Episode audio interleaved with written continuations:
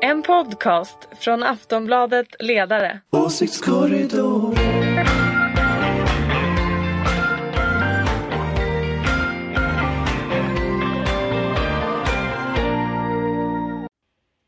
Hej och välkomna till Åsiktskorridoren. Det är eh, måndagen den 15 juni. Vi befinner oss i midsommarveckan. Sverige börjar så smått bromsa in inför semestern. Eh, möjligen så bromsar även spridningen av coronaviruset in, men vi har fortfarande dagliga rapporter som oftast är tvåsiffrigt antal döda. Hittills i Sverige har 4 874 svenskar dött. 51 614 är konstaterat smittade, men om en dryg timme så hålls, eller det hålls inte någon presskonferens för det är måndag, de har skurit ner, de kör bara måndag, eh, tisdagar och torsdagar nu. Men det kommer en uppdatering på siffrorna. Eh, med oss idag för att prata om vad som har hänt i svensk inrikespolitik på sistone har vi Ulrika Schenström. Hej hopp, här är jag. Hej, du, du är VD för Fores, en grön och liberal tankesmedja och du är moderat. Yes, så är det. Yes, och från eh, Aftonbladets ledarredaktion har vi Anders Lindberg. Här är jag. Hej! Vi brukar vara en person till från Aftonbladets ledarredaktion, men för första gången under den här coronavåren så har tekniken faktiskt ställt till det för oss och det funkar inte riktigt. Så det blir Ulrika och Anders idag som, som kör helt enkelt. Eh, igår så var Stefan Löfven med i en direktsänd intervju i Agenda och den ska vi prata om. Eh, men först måste jag bara helt kort, eh, förra veckans stora nyhet som ju var den presskonferens då man la ner Palmeutredningen. Man kommer inte förbi Stig Engström, sa utredaren, men inga nya bevis presenterades. Vad kände ni när den här nyheten presenterades? Anders, vad säger du? Jag tycker att det kändes ganska bra. Jag tittade på den där pressträffen och eh, jag förstår ju att de som är djupt engagerade i Palmefrågan eh, naturligtvis kan tusen detaljer och sådär som jag inte ser riktigt. Eh, men jag måste säga att mitt intryck var att de har liksom De har försökt knyta ihop de trådar som har gått att knyta ihop. Idag kan Aftonbladet berätta om det här vapnet som ju cirkulerade i diskussionerna innan. Eh, det fanns ju uppgifter innan om att man hade hittat mordvapnet och eh, det vapen så att säga som det syftade på berättar ju Aftonbladet idag om vilket vapen det var och sådär. Så, så, så, bakom det här påståendet om att det är den här Skandiamannen så ligger ju naturligtvis ganska mycket mer än bara det som presenterades. Men även det som presenterades tycker jag är, är ganska liksom Det är en sammanfattning av hur, hur den här utredningen har gått till och sådär. Sen förstår jag ju att alla de här personerna som har engagerat sig oerhört mycket eh, har ju kvar sina teorier. De vill ju inte ändra sina teorier. Så, att, så att, jag menar, de kommer ju fortsätta tycka detta. Så att mm. det kommer inte att bli något avslut. Det har jag inte trott. Men för mig personligen så kan jag känna att nu tror jag att Palmemordet är löst. Ehm, okay. Och, och därmed kan vi liksom gå vidare. Men mm. samhället kommer ju inte att gå vidare, så är det ju. Ulrika, vad tänkte du? Alltså, lite av ett antiklimax, men det beror ju också på att man eh, ut, utgick från att eh, man skulle presentera med mer eh, detalj och att det verkligen var sanning. Så att jag tror att det här som de här privatspanarna, de kommer, kan ju bli allt fler efter det här om jag ska vara riktigt ärlig. Så att, mm, och sen det här, det var väl bra att den här revolven dök, dök upp idag, annars hade det ju nästan blivit lite komik över folks uttalanden kring den här revolven för, förra veckan inför det där. Men Ja, jag, jag, tycker att man, man tog upp, man höjde förväntningarna inför den här presskonferensen. har man gjort i ett halvår. Så det är klart att mm. Eh, vi som minns exakt var vi var när det här hände och som, inte, och som växte upp inte så långt ifrån var det här skedde också. Alltså, jag kan säga att jag, jag var väldigt, väldigt intresserad av att få, få något slags avslut, men jag och, jag vet inte om jag personligen eh, tycker egentligen, men, men jag tror att det kan leda till ännu fler konspirationsteorier det här. Mm. Fast en sak, som, en sak som är intressant tycker jag i detta, det är ju att Eh, alltså, det finns en sån skillnad mellan det här utpekandet av Christer Pettersson som liksom är på samhällets botten på något sätt eh, i, i, i den berättelsen kring det och den här då en aktiv, aktiv moderat från, från Täby eh, som, som liksom har levt i de högre samhällsskikten hela sitt liv.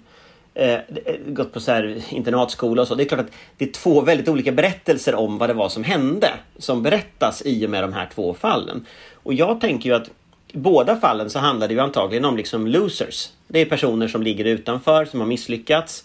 Eh, och någonstans så känner i alla fall, det tror jag alla känner, att, att, att på något sätt en sån här händelse som har såna enorma konsekvenser, den borde ha en enorm orsak. Mm. Det måste finnas en konspiration. Det är helst CIA och, och PKK och KGB tillsammans med Stay Behind. Alltså det borde finnas något sånt. Och så gör det inte det. Det är liksom någon som Nej, har det- gått och drämt Nej, men, och men, så... men Anders, det är inte det som jag anklagar. För jag håller helt med dig. Det finns alldeles för många som vill ha konspirationsteori så är det bara liksom någon eh, ensam mördare. Det, det, det är inte det som jag, utan jag tycker att det var, alltså powerpointen var daterad till 4 juni. Eh, De hade utlovat att det skulle komma eh, ett svar på vem det var som hade mördat Palme. Det fanns inget vapen, det fanns inga riktiga bevis, det fanns indicier. Det var lite klåparaktigt om man höjer förväntningarna till att vi nu ska få veta vem det var. Jag är hemskt ledsen men det, det, nej, och när jag upptäckte den här powerpointen var daterad till en annan dag, ni får ursäkta mig men det måste ju gå att uppdatera den till rätt datum i alla fall.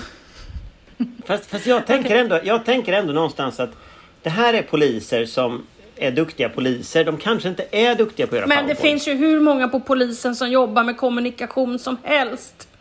Jo men vi är väl glada att just de inte hanterar Palmeutredningen. Nej, jag känner men ändå någonstans att... De kunde hanterat powerpointen kanske. Ja fast Men- jag känner men- någonstans blev att det blir så många sådana sidospår liksom. Jo men här, här, här är Anders, grej. Anders, ingen hade brytt sig om powerpointen ifall de hade presenterat. Här är han, det här är bevisen, vi tror att det här håller. Här är revolvern som bevisar att vi har en mördare. Punkt! Då hade alla skitit i powerpointen. Men om alla Jo. sitter och tror att de ska få veta sanningen, hela Sverige har liksom så här en knappnål kan höras dunsa Mm, det var ett ner på Sveavägen. moment, får man säga. Ja. Alla ett satt jag tycker faktiskt vi. Och sen- vet nu. Nej, inte ens det vet vi. Nu måste vi prata om någonting annat. Jag börjar åh. Ja. Nej men jag vill ändå, jag vill ändå invända Åh. det att jag tycker faktiskt att vi vet vem som mördade Palme nu. I alla fall lika mycket som vi visste, visste att, att en annan person hade det. Det höll inte i domstol den Jag gången. känner, jag känner att jag öppnade Pandoras Åh, ask här. orkar när, inte. När jag började prata Du får ringa Palmemordet. Leif Palmemordet GW har den här effekten på människor. Eh, Men Fast jag verkar vara den fall... enda i landet som inte är besviken på det här. Ah, Jag så kan det faktiskt vara, Anders. Så kan det ja, vara. Så kan det vara. Härligt för dig. Ja, okej. Okej. Utredningen är nu i alla fall nedlagd kan vi konstatera efter 34 år. Eh, vi gissar att en del privatspanare kommer att fortsätta. Men vi, nu hakar vi det dagsaktuella. Som jag nämnde, igår så var statsminister Stefan Löfven med i Agenda.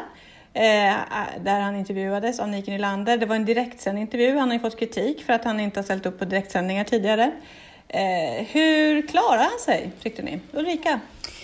Ja, han hade inte så mycket att säga. Och sen tror jag egentligen att det han ville säga eh, kan han inte riktigt säga. För att det kommer ju vara ett sånt här bråk nu. Vem bär ansvaret för äldreomsorgen? Är det regionerna, kommunerna eller staten? Och då blir det, det här kommer tjafsas om hela tiden och, och eh, ska man vara statsman så måste man ju, eh, kan man inte stå och skjuta på andra förrän det här är över. Och det är ju inte över så att jag vet inte varför han ställde upp för det var inte så mycket som kom fram så att säga. Men han kanske... Var inte så han illa kanske- tvungen att ställa upp? Jo, men, då, men, men det är just det här, då skriker alla statsministern måste synas mera. Okej, när han gör det då och inte har så mycket att säga, då är det fel på det. Och det här har jag sagt flera gånger, alltså en statsminister måste ju sköta, vara på jobbet också. Men, men det var väl bra att han var i Agenda, men det var ju inte direkt någon... Ja, det var inte så mycket som kom fram egentligen. Nej, okej. Anders, vad säger du? Du säger så här, spontan reaktion på intervjun. Mm, nej, jag tycker att den var väl lite... Han var lite mindre tillkrånglad än han brukar vara. Det tycker jag var bra. Han sa lite mer så här, det var mer klartext när han pratade. Men det är precis som Ulrika säger att det finns ju inte så mycket att säga efter några månader in i en pandemi. Eh, det kanske inte ens finns så mycket att säga om ett år. Och, och det, det är klart att, att vår, vår offentlighet kräver ju besked direkt eh, om allt. Eh, och när det då inte finns besked, då blir det ju precis som med, när Anders Tegnell säger någonting och så blir det en världsnyhet. Därför att, och han har egentligen inte sagt så mycket. Utan det, och det här har vi varit med om flera gånger nu. Att liksom man försöker på något sätt hårdra det som forskare eller politiker säger som att de är tvärsäkra. Och i själva verket så är de jätteosäkra. Och, och jag tror någonstans att att det är svårt. Sen tycker jag Nike Nylander gjorde en bra intervju. Eh, och och de, här, de här frågorna som hon ställde, det är ju de frågorna människor diskuterar. Och jag tycker det är bra att statsministern får en chans att ge svar på dem. Men sen är det fakta liksom. Svaren är vi vet inte jättemycket och den stora saken vi inte vet eh, har ju med viruset att göra. Vi vet inte varför Spanien drabbas men inte Portugal. Varför Stockholm drabbas men inte Skåne. eh, varför Vrångö drabbas stenhårt men liksom eh, inte en storstad som Göteborg på samma sätt liksom inne i stan där ännu fler människor bor. Eh, alltså, det, det är någonting med det här viruset som gör att det inte funkar som virus har gjort tidigare och som liksom helt uppenbart man inte behärskar. Nu ser vi, nu kom det utbrott i Peking här till exempel efter att Kina hade förklarat att de hade besegrat viruset så dyker det upp igen så här tjoff. Och, och, så att, och det var en annan virusstam verkar det som dessutom än den som var i Wuhan. Så att, så att säga, vi, vi, vi kan liksom inte det vetenskapliga och det där strular ju till allting väldigt mycket. Och så ska, och det är klart att jag, Men det- tror, jag tror att liksom det, det är bra att Stefan Löfven tar den typen av intervjuer. Men jag tror man måste ha liksom rimliga förväntningar på vad han kan säga. Ja, men för det är nog intressant. Ni säger ungefär samma sak, att han kan inte säga så mycket. Det finns inga slutsatser att dra riktigt än. Och det sa ju Löfven själv också. Och då hade jag skrivit här min- i mitt manus, men något måste man ju kunna säga. Man säger om det kommer en andra våg i höst, kan man inte förvänta sig vissa justeringar av den svenska strategin då? Med det Jo, det tror jag man kan. Och jag tror att om, du, om man läser mellan raderna på det, vad Johan Carlsson har sagt och, och vad, vad Lena Hallengren säger. Så, så finns det ju ett antal saker som, som måste förändras. Det gäller framförallt äldrevården. För det är klart att det här kommer ju återigen att bli att skydda de äldre som blir en strategi om en andra våg kommer. Eh, Och då har de ju betonat, Stefan Löfven upprepar väl 71 gånger igår det här med att eh, basala hygienrutiner och tvätta händerna och sånt där. Men, men det är klart att det, i det så ligger ju också ett koncept om hur man organiserar äldreomsorgen. Där vi ju faktiskt inte kommer att kunna organisera den under en kris. Man kan fixa till lite med basala hygienrutiner och sådär. Jag skulle säga att närmar vi oss en andra våg, då kommer man antagligen att gå in och till exempel anställa personalen. Eh, det har man gjort i vissa, landsting, vissa kommuner redan. Eh, Det är ju kommunerna som är ansvariga för äldreomsorgen. Det, det är ju liksom viktigt att tänka på. Men jag tror att staten kommer att gå in på ett tydligare sätt. Eh, Jag tänker mig också att vi kommer att se kanske en annan typ av restriktioner än vad vi har gjort tidigare. eh, Om det kommer en andra våg. Vad, vad har du några tankar vad det borde vara i så fall? Nej, men jag tänker till exempel på det här med hur man rekommenderar människor till anhöriga till exempel till personer som har Corona. Rekommenderas ju i dagsläget inte hålla sig hemma. Det är en sån där sak som ju verkar, verkar ha slagit fel till exempel. Och den typen av så mindre justeringar tror jag man kommer att se. Men någon lockdown med liksom stridsvagnar på gatorna, det tror jag ju, det kommer inte att hända. Utan, utan det blir ju den typen av små justeringar. Kanske en sån sak som att man ska ha munskydd i kollektivtrafiken, alltså den typen av saker. Och det, det, det hör man ju liksom när man lyssnar på experter, att det, det, det är inte jättestor skillnad på de här alternativa forskarna och Folkhälsomyndigheten egentligen. Det är någon dag hit eller dit, eller alltså det är den typen av småsaker. Men det kan mycket väl justeras. jag vill bara när du säger alternativ forskare så menar du forskare som har en annan åsikt än, än Ja, Folkhälsomyndigheten? typexemplet är väl de 22 forskarna. Ja, Men, ja, men det är så det, svårt att alltså, hitta de är ju inte begreppen. alternativa i någon annan ja, bemärkelse. Nej, men de 22 Ulrika. forskarna eh, delar ju upp sig nu och är fem någonstans och tre någonstans. Men liksom den kretsen som är Ja, säga, kritikerna till Ja, Folkhälsomyndigheten. ja, precis. Ulrika, vill du fylla i någonting? Tror du att man kan förvänta sig justeringar om en eventuell andra våg kommer? Alltså jag är ju inte någon hobbyepidemiolog så att jag, jag, jag I rest my case. ehm, Okej. Och följer det hela på det KBT-sätt som jag har gjort från början. Jag håller mig till det jag kan helt enkelt påverka och inte det jag kan påverka. Vänta, en sak som, som Löfven sa var ju det att den höga dödligheten på svenska äldreboenden inte har med strategin att göra. Är det rättvist att säga så? För jag menar, det är, ändå, är det inte upp till då de myndigheterna som ger underlag till strategin att ha koll på hur äldrevården ser ut och är rustad och fungerar? Nej, men alltså, Ulrika? en myndighet som ska ge rekommendationer i en, en sån här kris eh, sitter ju inte i någon slags äldreomsorgs eh, utskott eller vad man nu kallar det för någonting i kommunerna. Eh, men, men, och, och jag har ju ingen aning om hur mycket de har tryckt in mot, mot kommunerna genom SKR eh, och vad SKR har jobbat med och gjort och så vidare. Så att där har du ju en, en slags organisation som ju är mellanhanden på något sätt eh, för att hjälpa eh, kommuner och och regioner. Ehm, Så att, ehm, ja. Men, men, men att just, just en myndighet eh, som ger rekommendationer om hur man ska, de kan ju, har ju inga som helst eh, möjligheter att gå in i kommuner eller eh, regioners olika typer av verksamheter. Men man kan som sagt ge rekommendationer och det gjorde de redan från början. Eh, så att säga. Så att, eh, alltså. Mm. Han, han sa ju också, ja förlåt Anders. Nej men jag tror att vad Stefan Löfven menar eh, med det där det är ju inte att inte äldreomsorgen var en del av strategin. Utan vad han menar är ju att, att när man pratar om strategin då pratar man ju om skulle vi haft lockdown eller inte. Liksom ska vi ha öppenhet eller inte? Det är ju den stora liksom, strategiska frågan där Sverige väljer en delvis annan väg än andra länder. Vi stänger och, det, det typ, typexemplet är ju vi stänger inte skolor. Det har ju varit liksom den centrala delen i det. Sen finns det ju detaljer. Eh, precis som Ulrika, jag är ingen hobbyepidemiolog, har ingen ambition att vara det. Men om man lyssnar mellan raderna av vad Folkhälsomyndigheten är självkritisk till nu. Då kommer det ju fram till exempel en sån sak som att man förmodligen om man liksom räknar baklänges, förmodligen skulle ha haft en helt annan nivå på beredskap i äldreomsorgen innan detta hände. Ehm, och när detta hände så skulle man naturligtvis ha gått in med med åtgärder för att säkerställa det. Till exempel hygienrutiner, till exempel skyddsutrustning, eh, till exempel en medicinsk kompetens som inte finns på kommunal nivå. Men problemet med de strukturproblemen är att de är ju jättestora. De går ju tillbaka till 1992 när bred politisk enighet man flyttade äldreomsorgen från långvården och landstingen till kommunerna. Och, och den, det var ju en poäng att göra det. Du gav äldre mer egenmakt och sådär. Men det var också så att den medicinska kontakten blev sämre. Och när man nu lyssnar på rapporter från från liksom folk som inte har fått syrgas och läkare som har avgjort saker på telefon och sådana där grejer. Det är klart att hade det varit i landstingets regi så hade man haft en annan medicinsk kompetens, eller regionerna idag. Och jag skulle väl säga att en av slutsatserna alltså, som jag drar av det, det är att när vi ska så här, prata strategi nästa gång, då måste äldreomsorgen vara med från början. Och ska vi på lång sikt prata beredskap, då kanske det är så att äldreomsorgen inte ska vara kommunal.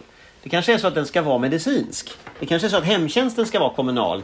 Men däremot den medicinska kompetensen ska in mycket tydligare. Därför att folk är äldre, lever längre, är sjukare. Och, och att då kanske kommunerna, Morjärvs kommun kanske inte är, har liksom den kompetensen då. Mm. Men, uh, ja, Ulrika? Men det var det här vi pratade om i förra avsnittet, nämligen den norska modellen, att man får in vård i själva äldreomsorgen. Så att, mm. Mm. Mm. Jag, I anslutning till det, jag spetsade öron för när Löfven sa att vi står nu inför en upprustning av svensk äldrevård och det tror jag ju att alla partier skriver under på. Men tror ni att det finns en politisk enighet i vad som ska göras för att rusta upp, hur man ska rusta upp äldrevården? Här skakar Anders på Nej, det tror inte jag heller. Men, Nej, Ulrika börjar. Nej, alltså jag vet inte exakt, men det, det kommer väl säkert diskuteras olika eh, driftsformer. Det kommer att diskutera vem, hos vem ansvaret ska ligga hos. Eh, jag hörde att eh, Löfven sa exakt det faktiskt jag har sagt i den här också. Det är att utbildningsnivån på de som leder äldreomsorg är ju lägre än de som leder våra förskolor. Så att det kan ju finnas an anledning att se över detta på väldigt många sätt. Ni vet alla de här åtgärderna jag har pratat om tusen gånger om att man måste ändå reglera saker och ting. Sen, sen kommer det säkert vara bråk om vilka huvudmän och i vilken driftsform och allt möjligt sånt där. Men jag tror nog Anna att du har helt rätt i att alla är nog överens om att det måste göras något. Och i det läget mm. tror jag Anders, det är bättre att inte folk Eller, bråkar, att, att inte politiken bråkar för mycket där, för det kommer inte leda saker framåt. Utan jag hoppas på en konstruktiv debatt i så fall. Vi hoppas på det. Anders, vad tror du? Vad, vad tror du stridslinjerna kommer gå om man ska rusta upp äldrevården? Jag, jag, tror det finns två stridslinjer som vi inte tänker så ofta på. Dels finns det höger-vänster, det tror jag absolut att det kommer att göra. Men jag, jag, jag är inte säker på att konflikterna där är grejen riktigt. Jag tror att eh, skillnaderna i landet är så enormt stora. Att det kommer att bli liksom kommunala, regionala lösningar som ser helt olika ut. Och, och det, det, det, kommer inte att vara en modell för, liksom, för hela Sverige. Det funkar liksom inte eftersom det, avstånden ser annorlunda ut och, och, och, så. Men jag tror det finns två andra konfliktlinjer. Den ena den är akademiseringen. Hur akademisk ska äldreomsorgen vara? Alltså barnomsorgen har blivit allt mer akademisk. Eh, och det är inte bara en utbildningsfråga utan också en syn på vad är uppgiften. Eh, för Ulrika har helt rätt i att utbildning det är ju, det är ju A och O. Men sen är det liksom försko när jag var liten då var dagis barn, i väldigt hög en barnpassning. Nu är det en pedagogisk aktiv verksamhet med tydliga mål, syften, strukturer, uppföljning eh, och så. Eh, och, och, men äldreomsorgen är fortfarande liksom förvaring.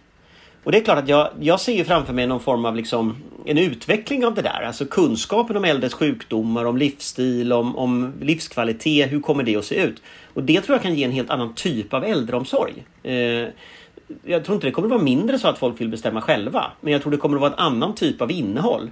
Eh, inte så att du har en läroplan för äldreomsorgen liksom, som du kanske har för förskolan. Men att du faktiskt har tydliga mål med att ge människor möjlighet till utveckling och, och, och en, en, livskvalitet på en helt annan nivå än vi pratat om. Så det tror jag är en sån konfliktlinje. Hur ser ambitionsnivån ut?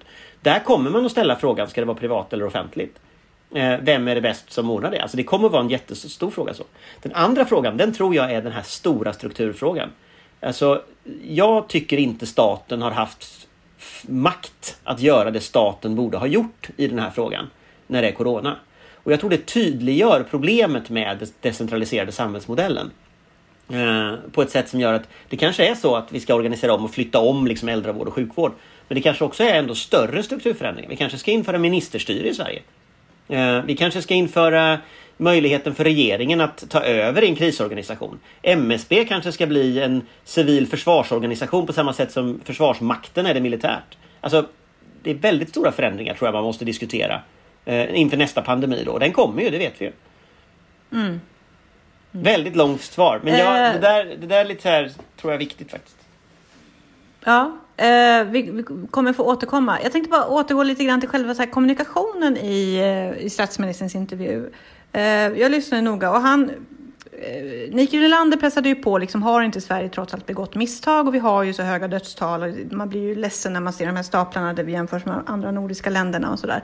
Eh, kan man som statsminister medge misstag i en sån här situation? Jag förstår allt det här med att, ni, att det är för tidigt och sådär, men jag letade ändå efter någon liten glipa som jag inte tyckte riktigt fanns hos Löfven. Hur, hur ser en sån bedömning ut, ni som ändå har jobbat inifrån politiken? Är det farligt att medge misstag? Kan man inte göra det? Ulrika? Både ja och nej, men jag skulle säga så här. Ehm, det är nog svårt, alltså så här. En riktigt, riktigt bra politiker, den kan erkänna fel och brister, men då måste de också komma med åtgärder på en gång. Ehm, och det är skillnad mellan en, eh, någon åtgärd på arbetsmarknaden och när folk dör. Det är två helt olika saker. Så att, ja, det beror på. Och sen beror det ju också på hur mycket statsministern, eh, oavsett vilken färg den, han eller hon skulle ha haft, om en statsminister går ut och börjar peka finger mot kommunerna, då har ju han själv, han eller hon, själv eh, deltagit i denna eh, i att politisera frågan. Så det är inte säkert att eh, Löfven i det här fallet ville politisera frågan och därför inte gick så hårt på. Mm. Så skulle jag, jag säga. Skulle svara att, jag, jag, skulle, alltså jag skulle svara att den strategiska bedömningen är inte helt lätt. För är du kapten på ett skepp som är i sjönöd så kan du liksom inte sända budskapet vi sjunker och jag vet inte vad vi ska göra åt det. Nej, det, det exakt. Men det var ju liksom därför inte. han måste komma med en åtgärd direkt i så fall. Man kan erkänna ja, ett fel. Måste, mm. Nej, precis. Eh, så här, du, du sjunker, här är livbåtarna, hoppa i liksom. Det, det, funkar liksom inte riktigt. Så signalmässigt sett tror jag man är försiktig med att säga att vi vet inte, vi har inte koll liksom. Men, men sen också strategiskt så handlar det ju om när man säger att man eh, har, har förstått någonting. Löfven försökte ju sig på det där med, eh, med gängkriminaliteten och sa jag såg det inte komma. Och det är klart det var att inte säger... så lyckat kanske. Nej, det gick inte alls bra. eh, och, och, och med, med, viss rätt, för det, det, det, är klart att alla såg ju det där komma sen ganska lång tid tillbaka. Så, att, så att man, man, måste också välja timing. Har man för länge väntat på att säga att vi vet inte, då, då är det liksom lite tåget gått. Då får man på något sätt säga att ja, men då ställer vi oss inför väljarna och det här var våran idé. Eh, den, den funkade och den funkade inte, liksom, men det får, det får väljarna avgöra. Eh, så jag skulle säga det är den andra frågeställningen man måste ha. Den tredje frågeställningen man måste ha det är ju, tycker man att man har gjort fel? Och när jag pratar med liksom regeringsmänniskorna, då tycker ju de inte att de har gjort fel. De tycker ju det finns administrativa fel och brister, det finns trassel i systemet och sådär. Men man är ganska övertygad om att grundstrategin, vi lyssnar på forskarna, vi gör vad forskarna säger, vi försöker ha borgfred, vi försöker rädda jobben, ekonomin, vi ska inte stänga skolorna. Den liksom grunden den tror de på. Och han kommer att fortsätta tro på den tror jag. Därför att, därför att den är både någon slags vetenskaplig analys men den är också en ideologisk idé om hur Sverige ska funka. Vi ska inte ha liksom en övervakningsstat. Vi ska inte ha de här sakerna. Så att Och där tror jag att man kommer inte att ändra sig därför man tycker Men inte att man har vad, fel. vad finns risken där när du säger sådär? Alltså jag, jag, jag förstår vad du menar, men finns det inte en risk här för en bunkermentalitet? Alltså hur öppen är man för att ta in det? Men det finns ju många som är väldigt kritiska. Hur, hur ska man sköta den balansgången? Det måste vara livsviktigt att ta in synpunkter även från an, liksom de utanför den egna kretsen. Ulrika har ju mer erfarenhet av att jobba kanske eh, i, i en bunker höll jag på att säga, det var elakt. Men, men alltså en, en, en, en, en, en, hel, en, en hel period. Ja, som, ja som nej, har, men precis. Som, det här, har det är- där. jag vill, nu är vi just understryka att mitt den här i. mentaliteten har ju ingen politisk färg. Alltså Nej, det kan ju men- förstå, det kan ju verkligen drabba vem som helst. Men om man tittar på, om man tittar på liksom, när, när har vi haft bunkrar i vår historia? Jag skulle säga att Bo Lundgren var en sån bunkerperiod i Moderaternas historia. När man så att säga, gick till val på, och det vill säga Ulrika får jobba med för hon jobbar hela perioden så att säga. Den här är mitt i en period liksom just nu. Mm. Eh, där man gick till val på, vi ska, på, på ett budskap Men ska jag svara folk. istället? Ja, men jag ska Ja. bara jag får dra min poäng först. Men när man gick till val på ett budskap utifrån Moderaternas perspektiv men inte utifrån samhäll- så säga, övriga samhället. Jag tror att Löfven har under sin tid haft ett väldigt, väldigt närhet till den modellen. Alltså det, det är en typ av ja-säga-mentalitet i regeringskansliet som ofta kommer fram i sådana här krislägen. jag ofta tänker- kommer den andra mandatperioden. Eh, Så att första mandatperioden har man reformer och sådär. Andra mandatperioden så börjar det bli ja-sägeri. Man tar makten för given och sådär. Jag skulle säga att Löfven har varit där. Just nu så vet det tusan. Eh, Men alltså fram för ett halvår sedan så skulle jag sagt att det är bunker alla så. Men nu vet jag. Okej, nu Ulrika. Ja, nej, hur, men- hur, hur håller man borta bunkermentaliteten? Ehm, ja, hur håller man borta bunkermentaliteten? Uh, man jo- alltså så här är det ju nog i och för sig. Om man jobbar med politik och de flesta i det gänget tror att de kan förändra världen. Då kommer bunkermentaliteten vara mindre. Men låt oss inte gå in på någon bunkermentalitet kring Bo Lundgren eller Fredrik Reinfeldt eller någon annan för att det är ungefär... Carl Bildt. Eller Carl Bildt. För att jag kan säga att det är, det är tre tegelstenar som inte handlar enkom om bunkermentalitet. Men jag kan säga så här. När du säger ja-sägare så är det det mest livsfarliga en ledare kan ha. När en ledare kommer ut ur eh, partiledardebatten och medarbetarna står Åh, du har varit fantastisk! Då kommer det snart gå riktigt, riktigt åt helvete. Utan man måste ha människor omkring sig som ser ens fel och brister även om det är jobbigt. Och, eh, så, och ofta är det så att, att äh, människor med den här typen av position gör sig gärna av med människor som egentligen kan slå dem med en stekpanna i, huvudet för att det är så jädra jobbigt att behöva jobba lite till. Eh, vilket gör att de ofta byter ut det till den här Åh, du har varit så fantastisk! Och egentligen inte alls varit det. Eh, så att jag ska säga det att ska man bli en framgångsrik ledare utan att skaffa sig bunkermentalitet så skaffa dig så många nej-sägare som en, möjligt som är lojala men säger nej. Ja. Ma- Niccolo Machiavelli han föreslår ju att man ska, man, ska, man ska ha en liten grupp människor som man ska överösa med gåvor och kärlek. Och så ska man komma överens om att ni säger alltid sanningen till mig men ni gör det alltid i enrum. Eh, så att man alltid får veta sanningen om vad man gjorde men att andra inte behöver göra det. Man kan som ledare inte acceptera att alla säger vad man vill, säger ju Niccolo Machiavelli, för det var ju inte trevligt på 1500-talet i Italien. så. Men, men just det där rådet, att faktiskt vara väldigt öppen med medarbetarna, att, att man måste vara ärlig. Det tror jag hade räddat många politikers eh, skinn genom åren. Och därför, Eh, brukar, och därför brukar jag alltid när jag har mina kurser oavsett eh, var de eh, är någonstans ifall man vill bli en lyckad politiker det är att varje morgon läsa några kapitel ur försten så att man liksom förstår att den här taburetten är någonting som du har just nu en stund. Och ju fler nej-sägare du har omkring dig desto längre tid kanske du har taburetten. Måste ju ha någon som säger att kejsaren inte har några kläder. Det är ju liksom, blir ju bara bisarrt annars. Ja, äh, du, vi får, får väl så småningom kanske veta då ifall eh, Löfven har några nej-sägare omkring sig nu i detta. För jag tänker, det, är, det är höga insatser just nu i den här eh, diskussionen när det gäller svenska strategin. Eh, lite mer eh, praktisk handfast politik. Resrestriktionerna har börjat lyftas. I Sverige får vi nu åka inrikes som vi vill så länge vi är symptomfria. Men om vi vill åka utomlands så är det lite trixigt. Vi är inte välkomna på så himla många ställen. Bland våra grannländer vill inte ha in oss och de vill inte komma hit heller. Hur illa är det att eh, vi inte får åka till Norge till exempel? Alltså det, vi, vi, vi, det- är ju så att vi har ju en rekommendation i Sverige om att inte åka utomlands överhuvudtaget. Till så den att- 15 juli.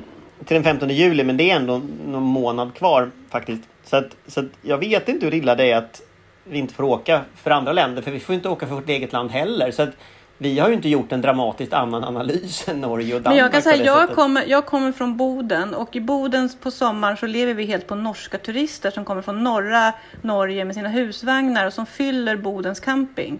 Det är väl jättebesvärligt för kommuner som Boden. Ul- Ulrika? Och min man som kommer från Årjängs kommun som eh, lever på gränshandeln över att norrmän kommer och shoppar och bor i sina hyttar och åker till ICA, Coop och Systembolaget. Ja, det är inte roligt vid gränshandeln just nu, eller i Boden. Men Nej. min poäng var bara att vi har ju samma inställning. Alltså, det det är ju inte så att Sverige har inställningen att svenskar kan åka till Norge och Danmark och Finland. Eh, vi har ju inställningen att svenskar får inte åka någonstans överhuvudtaget. Så att, så att den här Mm. upprördheten i Sverige över att andra länder inte släpper in oss, den blir inte helt hederlig när, när vi har sagt åt liksom, folk att, att inte åka någonstans Det är heller. bara en liksom. känsla av att inte vara välkommen. Det är Jag det vet, som är men, men, men, men det är klart att om vi förbjuder svenskar att åka utomlands det är inte skitkonstigt att andra länder säger att de inte får åka hit. Alltså det är inte, det är inte raketforskning någonstans. Det är ju samma underlag alla har. Sen tycker jag Norge, jag tror det är politik i Det Norge. tror för de jag har sagt också. Jag är man får helt åka, övertygad om att det är politik Ja. i Norge. man får åka till Gotland men inte till den här gränshandeln. Och, och Anders, det är så bisarrt för att de får åka till Gotland, för det finns något flyg som går från Oslo till Gotland. Men de kommer ju bara träffa stockholmare där. Hur De mycket hade inte som hört helst. talas om Stockholmsveckan i Norge tror jag. Men ärligt talat, ärligt talat det, är väl, det är väl liksom, det finns väl för fan ingen smitta i Dalsland? Alltså, den Nej. finns ju i Stockholm. Den det är är ju inte så Stockholm som är stor, ja. problemet. Det är ju vi som är problemet Ja, här. och, Ja. och är det Liksom. någonstans som stockholmarna åker så är det inte till Dalsland, förutom jag då. Utan då, jag Och du sätter dig säkert. Utan alla andra åker ju till, till Men, till men helt ärligt, det här med gränshandeln och så, hur länge klarar vi det? Det är väl ändå ett problem? Det är ett jätteproblem. Det är ju- Det är ett ja. jätteproblem ut med hela gränsen. Ehm, eftersom det är så mycket norm... Sverigebilden, är inte Sverigebilden det stora problemet? Alltså, jag fattar att man inte vill att folk åker till Stockholm och blir smittade. Det fattar jag också om jag var i Norge eller Danmark. Men det, känns som att Sverigebilden som helhet mår ju rätt kass just nu. Och, Och jag tror, jag kan tror ju att det är det ett- folk upprör sig över, att det verkar som vi är några nutcases och folk gillar inte det. Vi, vi har ju alltid tyckt att vi var lite så här bäst i klassen, mainstream, snälla, duktiga och så helt plötsligt framstår vi som så här nö- gökboet. Landet Men är det inte också lite det att vi, vi är lite von Orben-typen som alltid tycker oss veta bäst och så nu så, Ja, fast- fast också så nu- dör det jättemycket folk i Sverige.